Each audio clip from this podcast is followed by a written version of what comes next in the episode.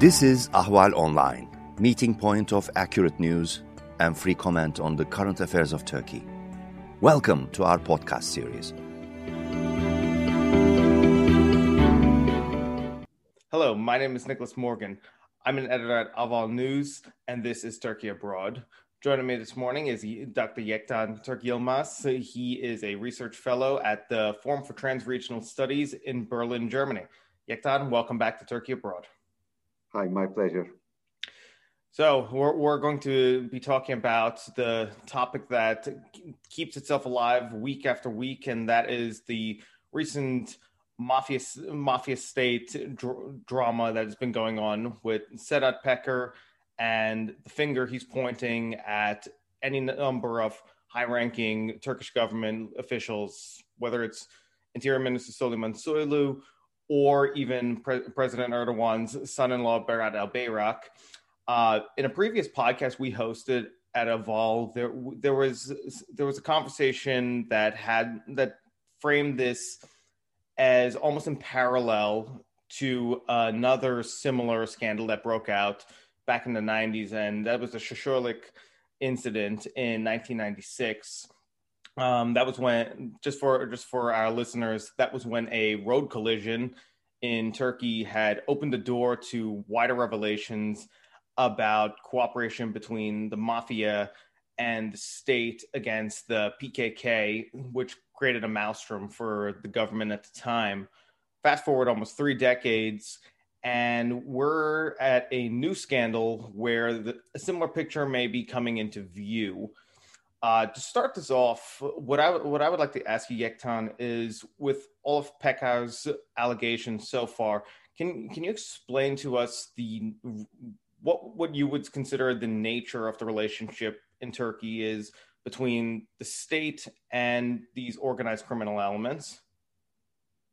So uh, this business, state and mafia business, is nothing new in Turkey. It's got a long history, actually. Uh, Ryan Gingeras has a really a very interesting study, is a research on this topic for the early Republican and uh, and late Ottoman period. But um, for the you know for our discussion, we don't need to go that far.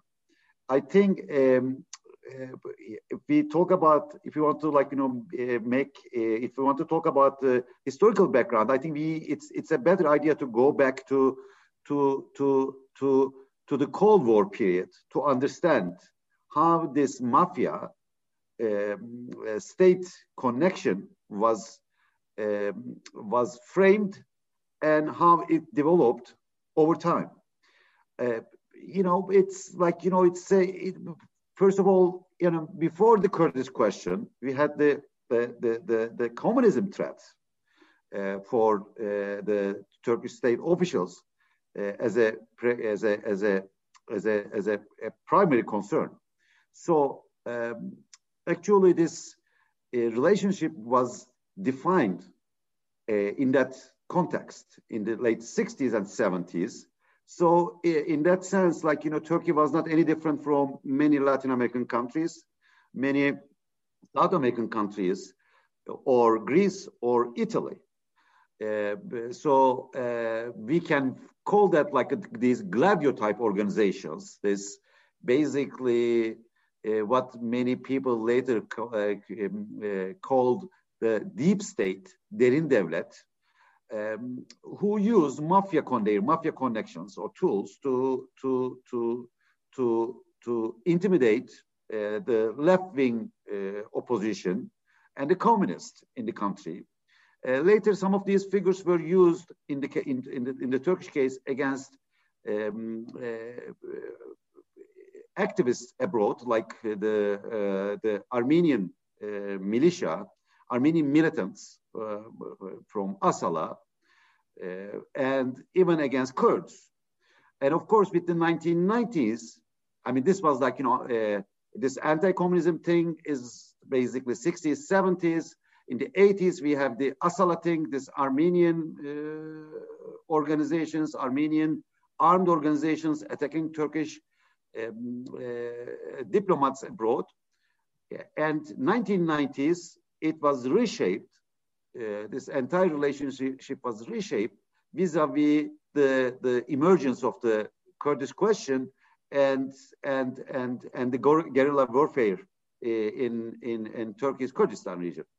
So um, and Susurluk was that Susurluk incident that you mentioned actually unraveled the dirty, so-called dirty relations uh, between politicians, uh, the police, uh, the military, uh, the Korucu, meaning the pro-state Kurdish tribesmen and notables in, uh, in, in the Kurdish areas, and the mafia figures like Abdullah Çatlı at the time. At the time, um, and and mafia, this kind of mafia had tradition, traditionally had connections with Turkish right-wing political parties, uh, uh, most uh, significantly, most importantly, with the MHP, MHP um, which is part of the coalition today in Turkey, right? But I think one major, one major break in this state mafia relations uh, began to take shape after 19, 2014. And it became a reality, or it became more visible, more salient, so to speak, particularly after the, uh, the failed military coup in, uh, in, in, in, in 2016. My argument about this, this new phase of mafia uh, state relationships is that the roles have switched. So basically, uh, mafia figures began behaving like politicians in Turkey, and Turkish politicians took the role of mafia. For instance, like you know, as yeah, so many examples uh, to to to show this uh, quite uh, shocking uh, situation in Turkey, which is, I don't, I don't think we can compare it with anywhere in, in this at this point. I mean, as I said before, the mafia state relations in Turkey was not, you know, was not unique. You could have compared it to many other um, uh, countries or cases. But what's happening right now, or over the past um, six, seven years, is quite peculiar to Turkey in many respects, it's unique in the sense that if you look at the rhetoric, the language they use, I mean, if you look at what Sedat Peker says and how he says it, and compare it with how and what uh, Süleyman Soylu, Ministry of Interior, responds to that and how he behaves, you couldn't say, you cannot say, who is the mafia boss here? Who is, who is the Ministry of Minister of Interior. And uh, most recently, um, uh, there a very interesting book came out by Timur Soykan uh, um, with the Turkish title Baronlar Savaşı, the Battle of Barons, uh, uh, meaning the the the the uh, the, the drug bosses, so to speak. Um, and what he shows there in many anecdotes is how, for instance, in one instance, in one example, for instance, the, you know, you, I mean, if you think about mafia uh, state relations in general, you would see that, like, you know, okay, the state officials would use these mafia figures as tools uh, to, to, to, to, for example, they, they might use them against their political, you know, enemies of state, so, so to speak or their political rivals. And uh, in return, and these mafia figures would be tolerated in their activities, in their criminal activities, uh, right? And and perhaps this this relationship could evolve into uh, into the level that, like you know, sometimes um, uh, mafia figures would provide drugs or women to to to politicians. You know what?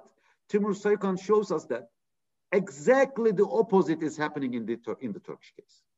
Now it's the officials who actually, you know, a political figure who takes the role or duties of mafia, including, you know, finding women for mafia. So the politicians are are becoming the godfathers in this case.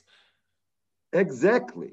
And interestingly, as I said our previous uh, podcast, it is very interesting that if you look at, I've been closely uh, following the these uh, the, the, the the the wars between uh, these uh, underground figures and their relations with the state officials, particularly over the past two years and, and, and I'm not talking only about Sedat Peker.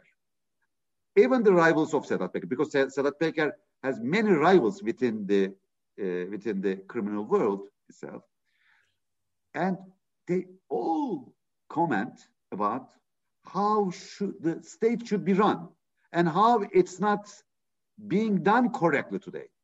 How uh, how uh, Turkey's politics is not doing. I mean, it's not in in in in in in right hands right so their comments are quite legitimately political whereas uh, whereas the politicians the language of politicians the, their, their, their, their connections the way they do things resemble us uh, pretty much the, the, the, the, the mafia style so, but the, the question here is why and how did we come to this point?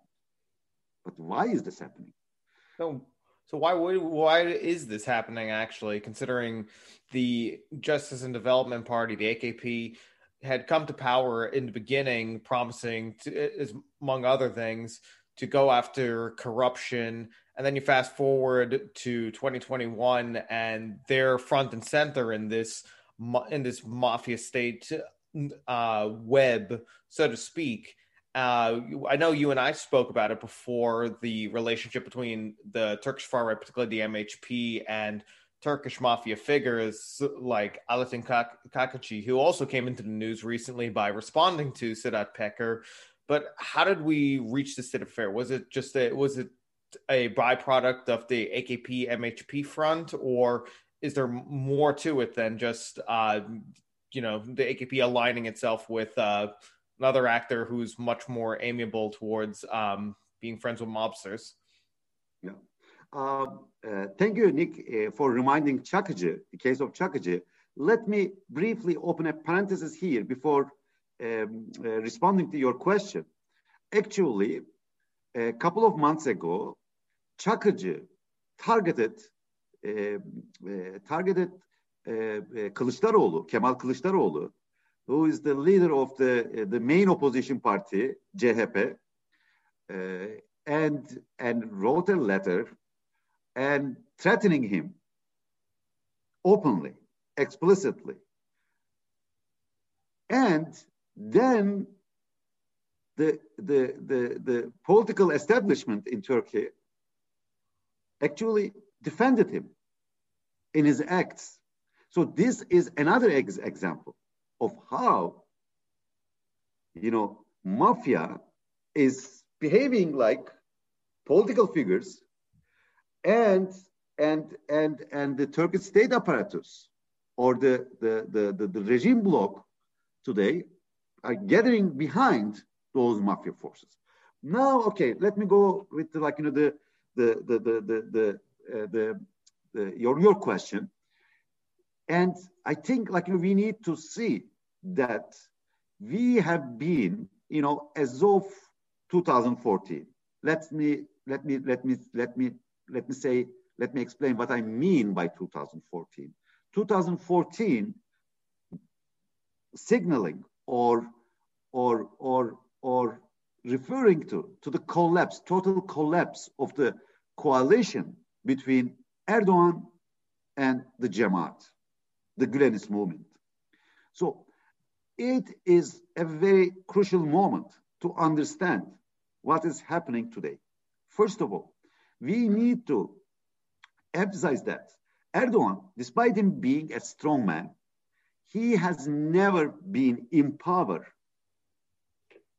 without the help of a coalition. He has always been a power rising above a coalition. So it was not only the pro Erdogan forces that brought him to power, right? And uh, from 2002 to uh, 2010, it was pretty much increasingly the Jamaat people who, who were behind many of Erdogan's victories against his other political rivals, mostly Euro-Asianist Kemalists, right? And, and in return, they were, I mean, the, the, the, the, the, the, the roads within the bureaucracy was wide open for the Jamaat people to, to, to, to occupy. And they did a great job, actually, quote unquote. Mm-hmm. And they aggressively took over many crucial positions within the police force. They were already well organized, by the way. But but Erdogan, the alliance with Erdogan and their victories further reinforced their uh, predominance over uh, many wings of state bureaucracy, especially in, in the police force, in, in, in, in intelligence, and, and, and as well as um, in judiciary, right? So what happened with the collapse of that uh, connection is like, you know, is Erdogan, on the one hand, two things. He lost the cadres or or the bureaucrats with merit, bureaucrats who are well equipped to hold those positions. He lost all of them. That's one thing. And second thing, which was left behind, that coalition to Erdogan was paranoia. Paranoia in the sense that, so Erdogan, like, you know, Güleniz became number one enemy of the state. But this is such an interesting, such an unprecedented moment in Turkish and even in Ottoman, late Ottoman history, in the sense that a group within the Turkish Sunni constituency becoming number one, uh, enemy number one of state forces, the state is unprecedented to, at this level. And what came with that is that now you didn't have a well-defined group over there, which can be described as the enemies. But now enemies could be anywhere, even within your party, political party, even with you, within your cabinet, even among your your your your guards, even like you know with your uh, you know anywhere, anywhere. So so what happens there after that is that you need security. You look for security, and at the same time, at the same time, you approach anyone and everyone with suspicion. Let me open a brief parenthesis here. Since 2016, the number one major concern of Erdogan has never been the opposition, the legal opposition. Has his number one concern has been keeping the regime bloc together. Right? Yes. And uh, relatedly,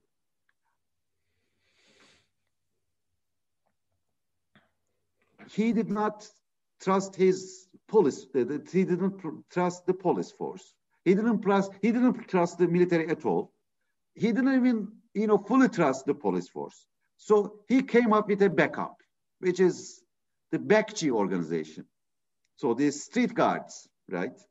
and they're also like you know another organization which kind of supposedly coordinates behind the doors uh, the this entire security business in Turkey and abroad. This is Sadat, right? But yet, losing the apt cadres and filling their positions with people who do, who do not have the merit, who do not have the liabilities to keep those positions did two things. One thing is that since loyalty came before merit, right? You now have inept an inept bureaucracy. Second thing, that bureaucracy had two major, once you have a like, you know, okay, once you got rid of the uh, Gülenis, by the way, we are talking about big, big, big numbers. Even bigger numbers as you move towards higher echelons of echelons of uh, bureaucracy. We're talking about 40% of, at least 40% of the generals in the military. You know, overall, we are talking about over 30% of bureaucracy. So, which means now there is a very mouth-watering opportunity over there for many groups to occupy these new positions. But second thing, you have a you know you have a leadership which is quite paranoid about the state apparatus. So opportunity comes with fear. I mean, you are, you know, because you could, you could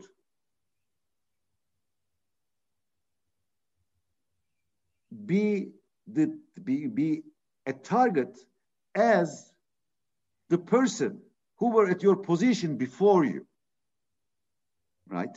So what came after this is that like you know is first a decay in institutional capacities of bureaucracy. And later which turned into a total collapse of uh, these institutions and their coordination. And I think we are closer and closer, and some institutions actually came to that point to, to functional debt. That means those institutions, yes, they lost their qualities as institutions, but they still function. Let's say police force, police force. It doesn't function as an institution anymore, but it still functions to arrest people, to do this, that. I mean, what, like, yeah. But they're coming to the point that those institutions cannot even anymore function. A great example is the central bank. So Turkish, uh, yeah, the, the Turkish state institutions are borderline, failing to function, right? And I mean, one should understand, for instance, one can understand the reaction of the admirals, for example, within this context. One can, one should frame, one can frame the, the, the, the, the letter by ex-diplomats within this context. That was on the one can understand not correct. Business people's reactions within this context. You know, today in Turkey, uh, we're signing, I mean, or or or or or or complaining about let's not, not even protesting, complaining about the situation, especially in an organized manner, is taking a big risk. So those people, like admirals, like uh, the ex-diplomats, uh, or these business people, they're taking a big risk, and they think they have to take it because, uh, so because they are coming to the end. So making this long story short, we have a failing state apparatus we have a paranoid leadership and who did everything by not looking at the cost for the state apparatus, for the nation, for the Turkish population. He did everything to secure his seat as the as a as a as a as a as a as a as a, as a, a one man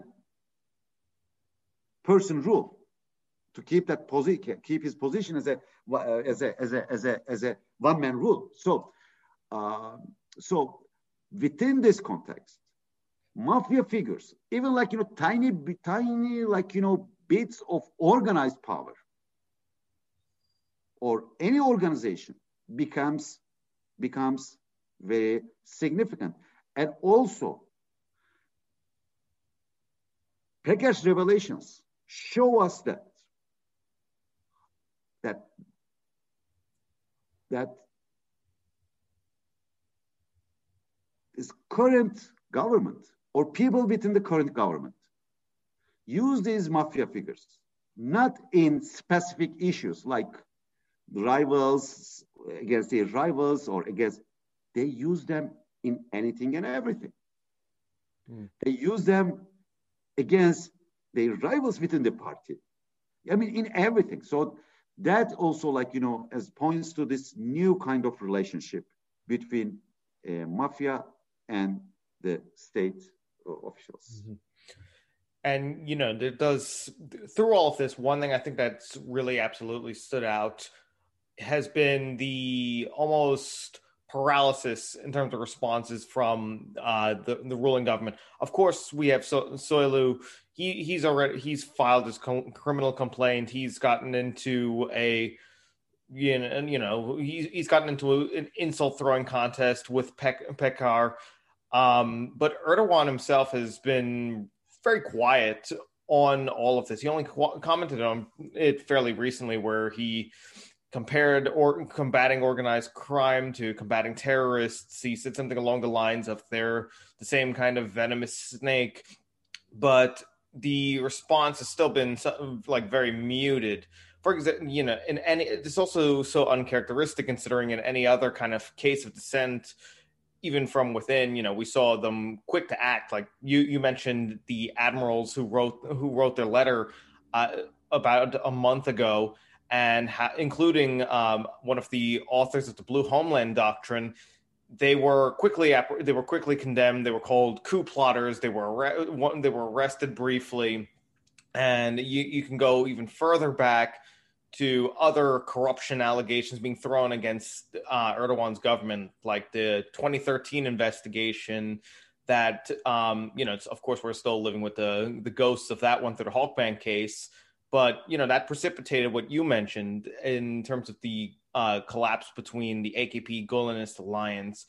So you know, taking taking that willingness to confront their foes like that, and then taking this kind of like silence in the face of what are allegations that are taking on a life of their own that uh, Peker is lobbying at again, like very high high ranking AKP members why do you how do you what do you read from this slowness or this silence from Erdogan and his eh, you know his officials in their circle?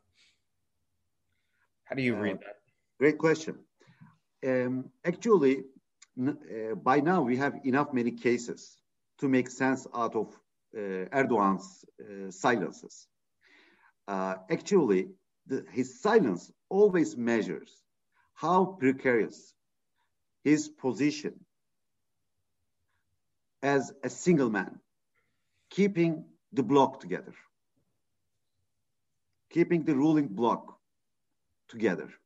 So, uh, as I said before, his major concern is to keep together his party, groups within his party, the MHP, and other components, which are not like you know necessarily uh, political parties, but groups like some sections of of these Euro-Asianist uh, Kemalists, some sections of uh, Turkish um, uh, Islamists, some sections of other uh, different versions of nationalists. So that is the primary concern for him. And here too, he wants to see who says what. Look, let me give you another example. When he was he was quite silent for a long time. Immediately after the March 31st elections, when uh, AK, uh, the, the, the, the, the, the AKP uh, candidate lost against İmamoğlu in Istanbul, right? And then another very curious moment of silence came when his uh, son-in-law, uh, Berat Albayrak, either resigned or according to the to to uh, to to to the palace, who was excused from the position in in November uh, 2020.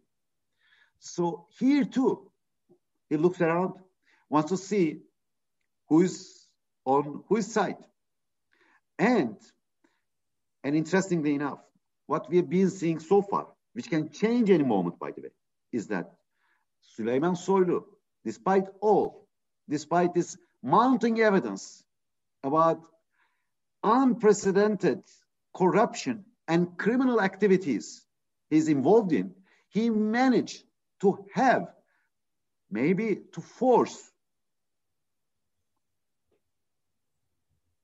Erdogan's men behind him. So are they doing, doing that willingly? Not necessarily. But I think they feel obliged. So one should one should realize that this regime, as I said before, has become more and you know and more fragile over time since the, the, the, the, the failed coup in 2016. But as of Berat, Berat Albayrak's uh, resignation, it has been in a process of collapse, crumbling. I think crumbling is the right word in the sense that it's not collapsing, it's in a process of collapse, but meanwhile losing pieces, right? So another interesting thing that this uh, recent, uh, okay, but before that, so it is curious to see that since November 2020, which is resignation of, of Berat Albayrak, we have seen scandals and crises popping up one after another, non-stop. Right? And, and with an increasing frequency. I mean, before we had, uh, let's say, one big crisis mm-hmm. for every month. Then it came to like, you know, every week. Today, and now, like, you know, within hours, many crises. So, and you see this tendency to overcome crisis with creating new crisis. That's the old habit. But this new situation is that, like, now things are out of control. That many of these crises burst out because it is there is a leak of information within the ruling bloc. Basically, what it says is it's something is simmering there, and you see the vapor coming out of it. And soon it will start boiling hard. And we see that happening. And the volcano goes off. Exactly, exactly. And and and I think Erdogan is sharing many other figures in history who play this strong man thing. They seem to be very strong, but and they're all you know they're oftentimes very uh, paranoid about their uh, people around them. And uh, interestingly, on paper, in the public opinion, they do everything.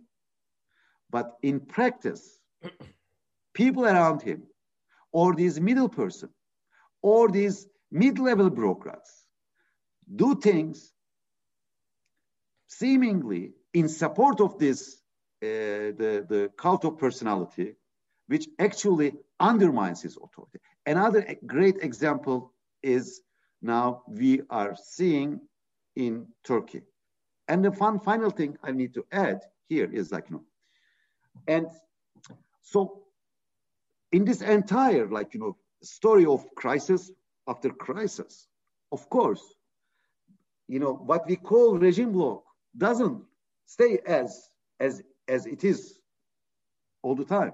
I mean, they, I mean, because every crisis comes with a reshuffling of, of, of, of this block to the level of, of this, um, uh, this, the bondage between the cliques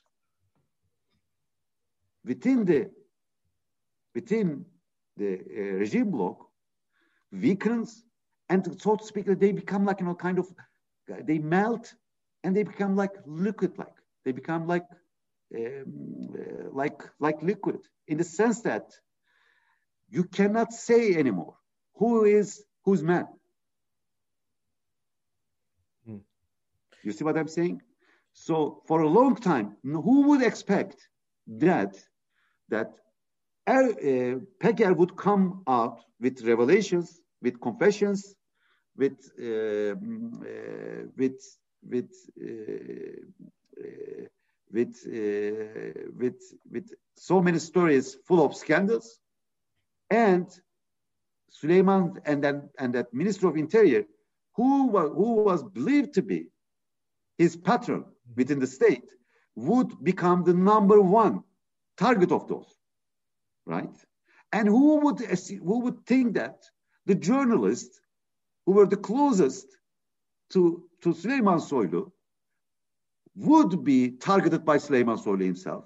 And who would think that Mehmet Ağar, who was who was thought to be like you know the man behind Süleyman Soylu, would make a statement which actually implicitly was kind of harming Süleyman Soylu.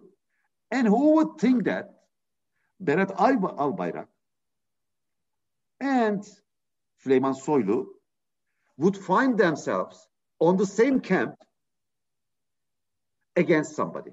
So that makes everything for Erdogan even more difficult in the sense that he is now trying to be the captain of a ship that is sinking, loaded with, not only sinking, loaded with liquid, some kind of liquid but that liquid is not sealed. It's not put in containers. It's free. So it it it flows to the direction that that puts the, the ship in further jeopardy. So that is further risk. So um, so this you know continuous reshuffling of the the regime bloc throughout this story, you know, history of recent crisis had an impact. And now we see the outcome of that. So we, it is becoming more and more difficult even to talk about cliques within the state apparatus because they're melting down. They're not solid anymore.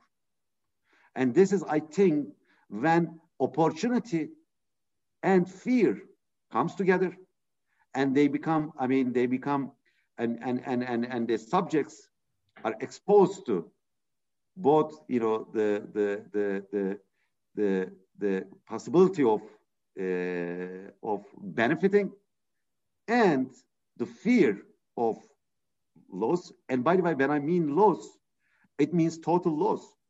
It is, it's a, it's a matter of seconds or sometimes, I mean, minutes for somebody to fall from, fall from the top to the very bottom.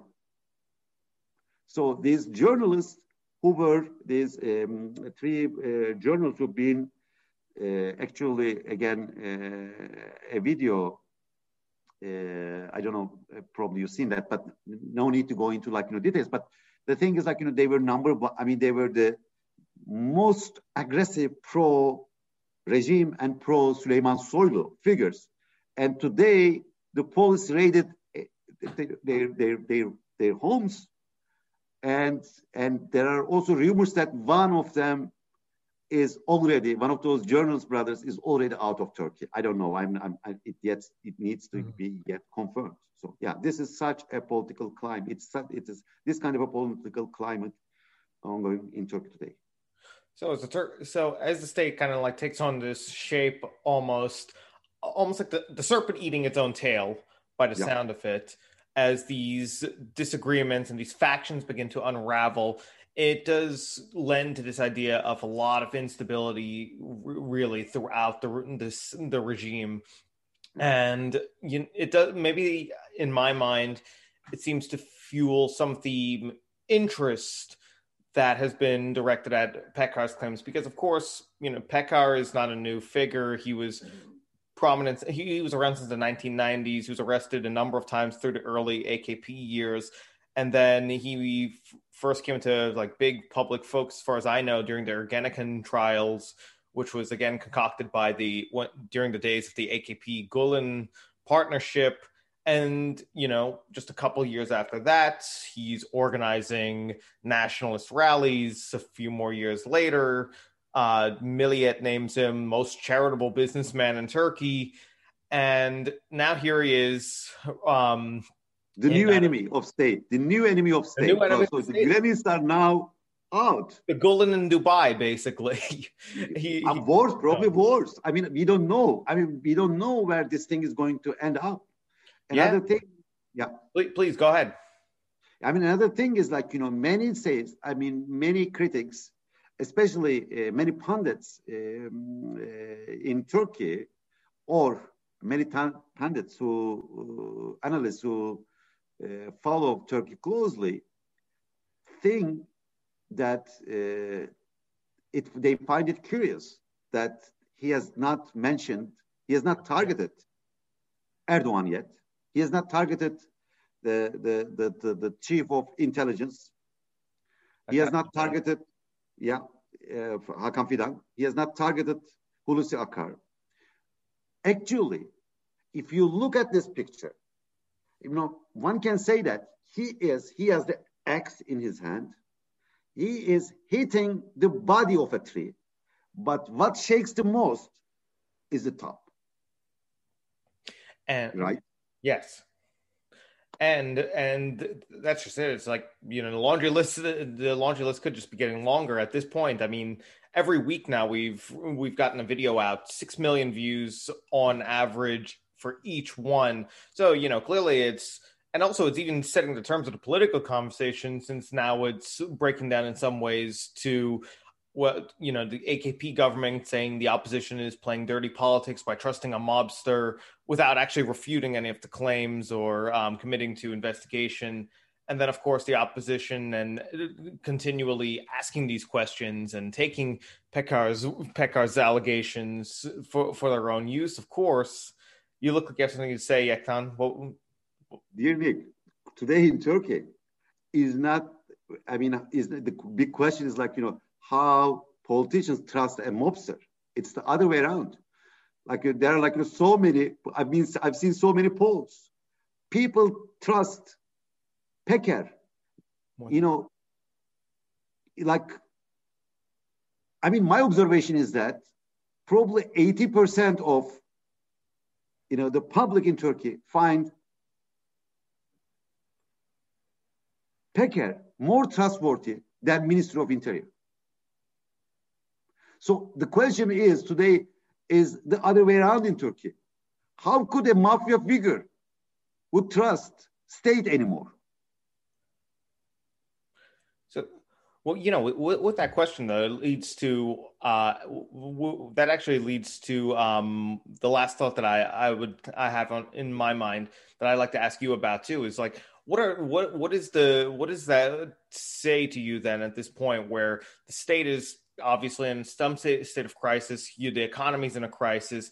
The pandemic is still still out there, and now people are trusting uh, dubious character, to say the least. Oh. They're trusting a mobster over their president or over government officials. What what is what are the implications of all of this to you? Like, do you think it's going to actually translate into like further political damage to the regime? Do you think it's just going to accelerate accelerate uh, any trend there, or do you think that Erdogan um, uh, you know, Erdogan will find some way to basically come out on top and use this to his advantage, as we know he's done in the past. Mm-hmm. Yeah, um, you know, there is no way that that this incident, this scandal, would not leave major, major marks and uh, on uh, the, the the regime's uh, credibility or prestige, and further, also it will lead, it will definitely lead to a good, a significant uh, loss of blood in terms of yes, they might survive this. You know, uh, they will probably survive it in one way or another, but it will come with a cost, a dear cost. And the thing is, we are back to the same the, the, the, the cycle. So they will survive it, but they will create the potentials of even a bigger upcoming crisis. So uh, let make let me make it short. The regime in Turkey today is is is is kind of in a vegetative state right now.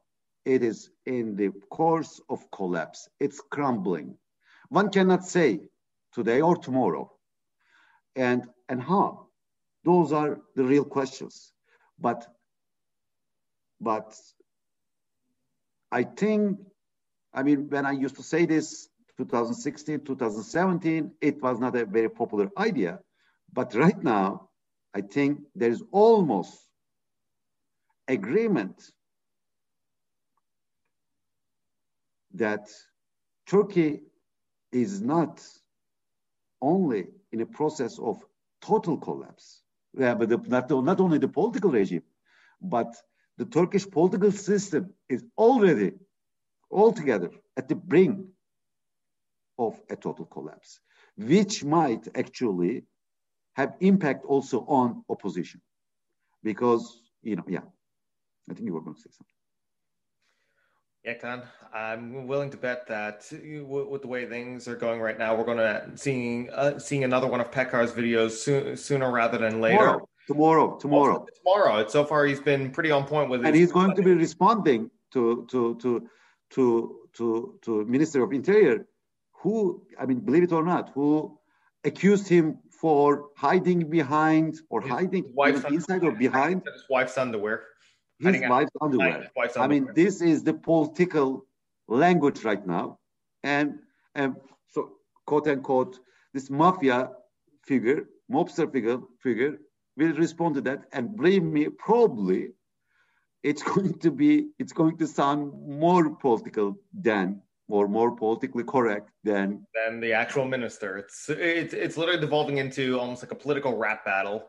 Yeah. If, I, if, if I could put it in, uh, you know, th- those kind of terms.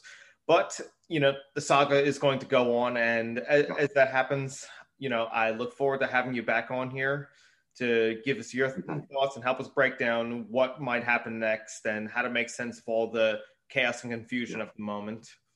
Yeah, yeah, my pleasure. Anytime. Um, and yeah, we will all together uh, see how this uh, entire saga or uh, this uh, thriller will, uh, so to speak, uh, unfold in the future. But I think Turkey is is on on the eve of very radical uh, political developments. That is so obvious. The time is ticking. One cannot say how, when, but it becomes more and more, more and more obvious is that the regime bloc itself or the base of the current uh, current regime will be the sites of the of of of the collapse. That and the sites of the, the the battle, so to speak, uh, and uh, of course with consequences on the rest of Turkish politics or uh, or people in Turkey, um, and uh, and and and there is the possibility of another group. I mean, Turkey is in such a Turkish uh, politics is and the state apparatus and Turkish politics is in such a uh, situation right now is that even the most unthinkable, radical, extreme scenarios sound very the black the, the black swans are suddenly becoming much more plausible. Plausible. I mean not necessarily likely guaranteed. but you wouldn't be shocked to see a quite radical group clique circle within the, the, the, the today's regime bloc seizing the power or the same applies for uh, it may not be the, as likely but the same applies for the opposition. You might see a quite radical and unexpected movement person circle, group, using this potential, mobilizing this potential, and perhaps even coming to power. These are all possibilities. So we are looking at a very broad continuum. And then that's that's that's the almost that, that's the foreboding element of all of this. Actually, really is just um, now that the as I mentioned, the black swans are not guaranteed, but they're becoming more plausible, and just really the unpredictability of the situation does raise a lot of hairs on the back of the necks, not just in Turkey, but it should probably be raising more in uh, in countries that are observing it, and really what those kind of implications would be um, going forward. But with, with that being said, the, these are going to be questions that I look I look forward to you know encountering as as they emerge and having you back on to give your thoughts about. So Yektan, thank you very much for t- taking the time to come back to Turkey Abroad. As always, Nico, my pleasure. My name is Nicholas Morgan, and this is Turkey Abroad.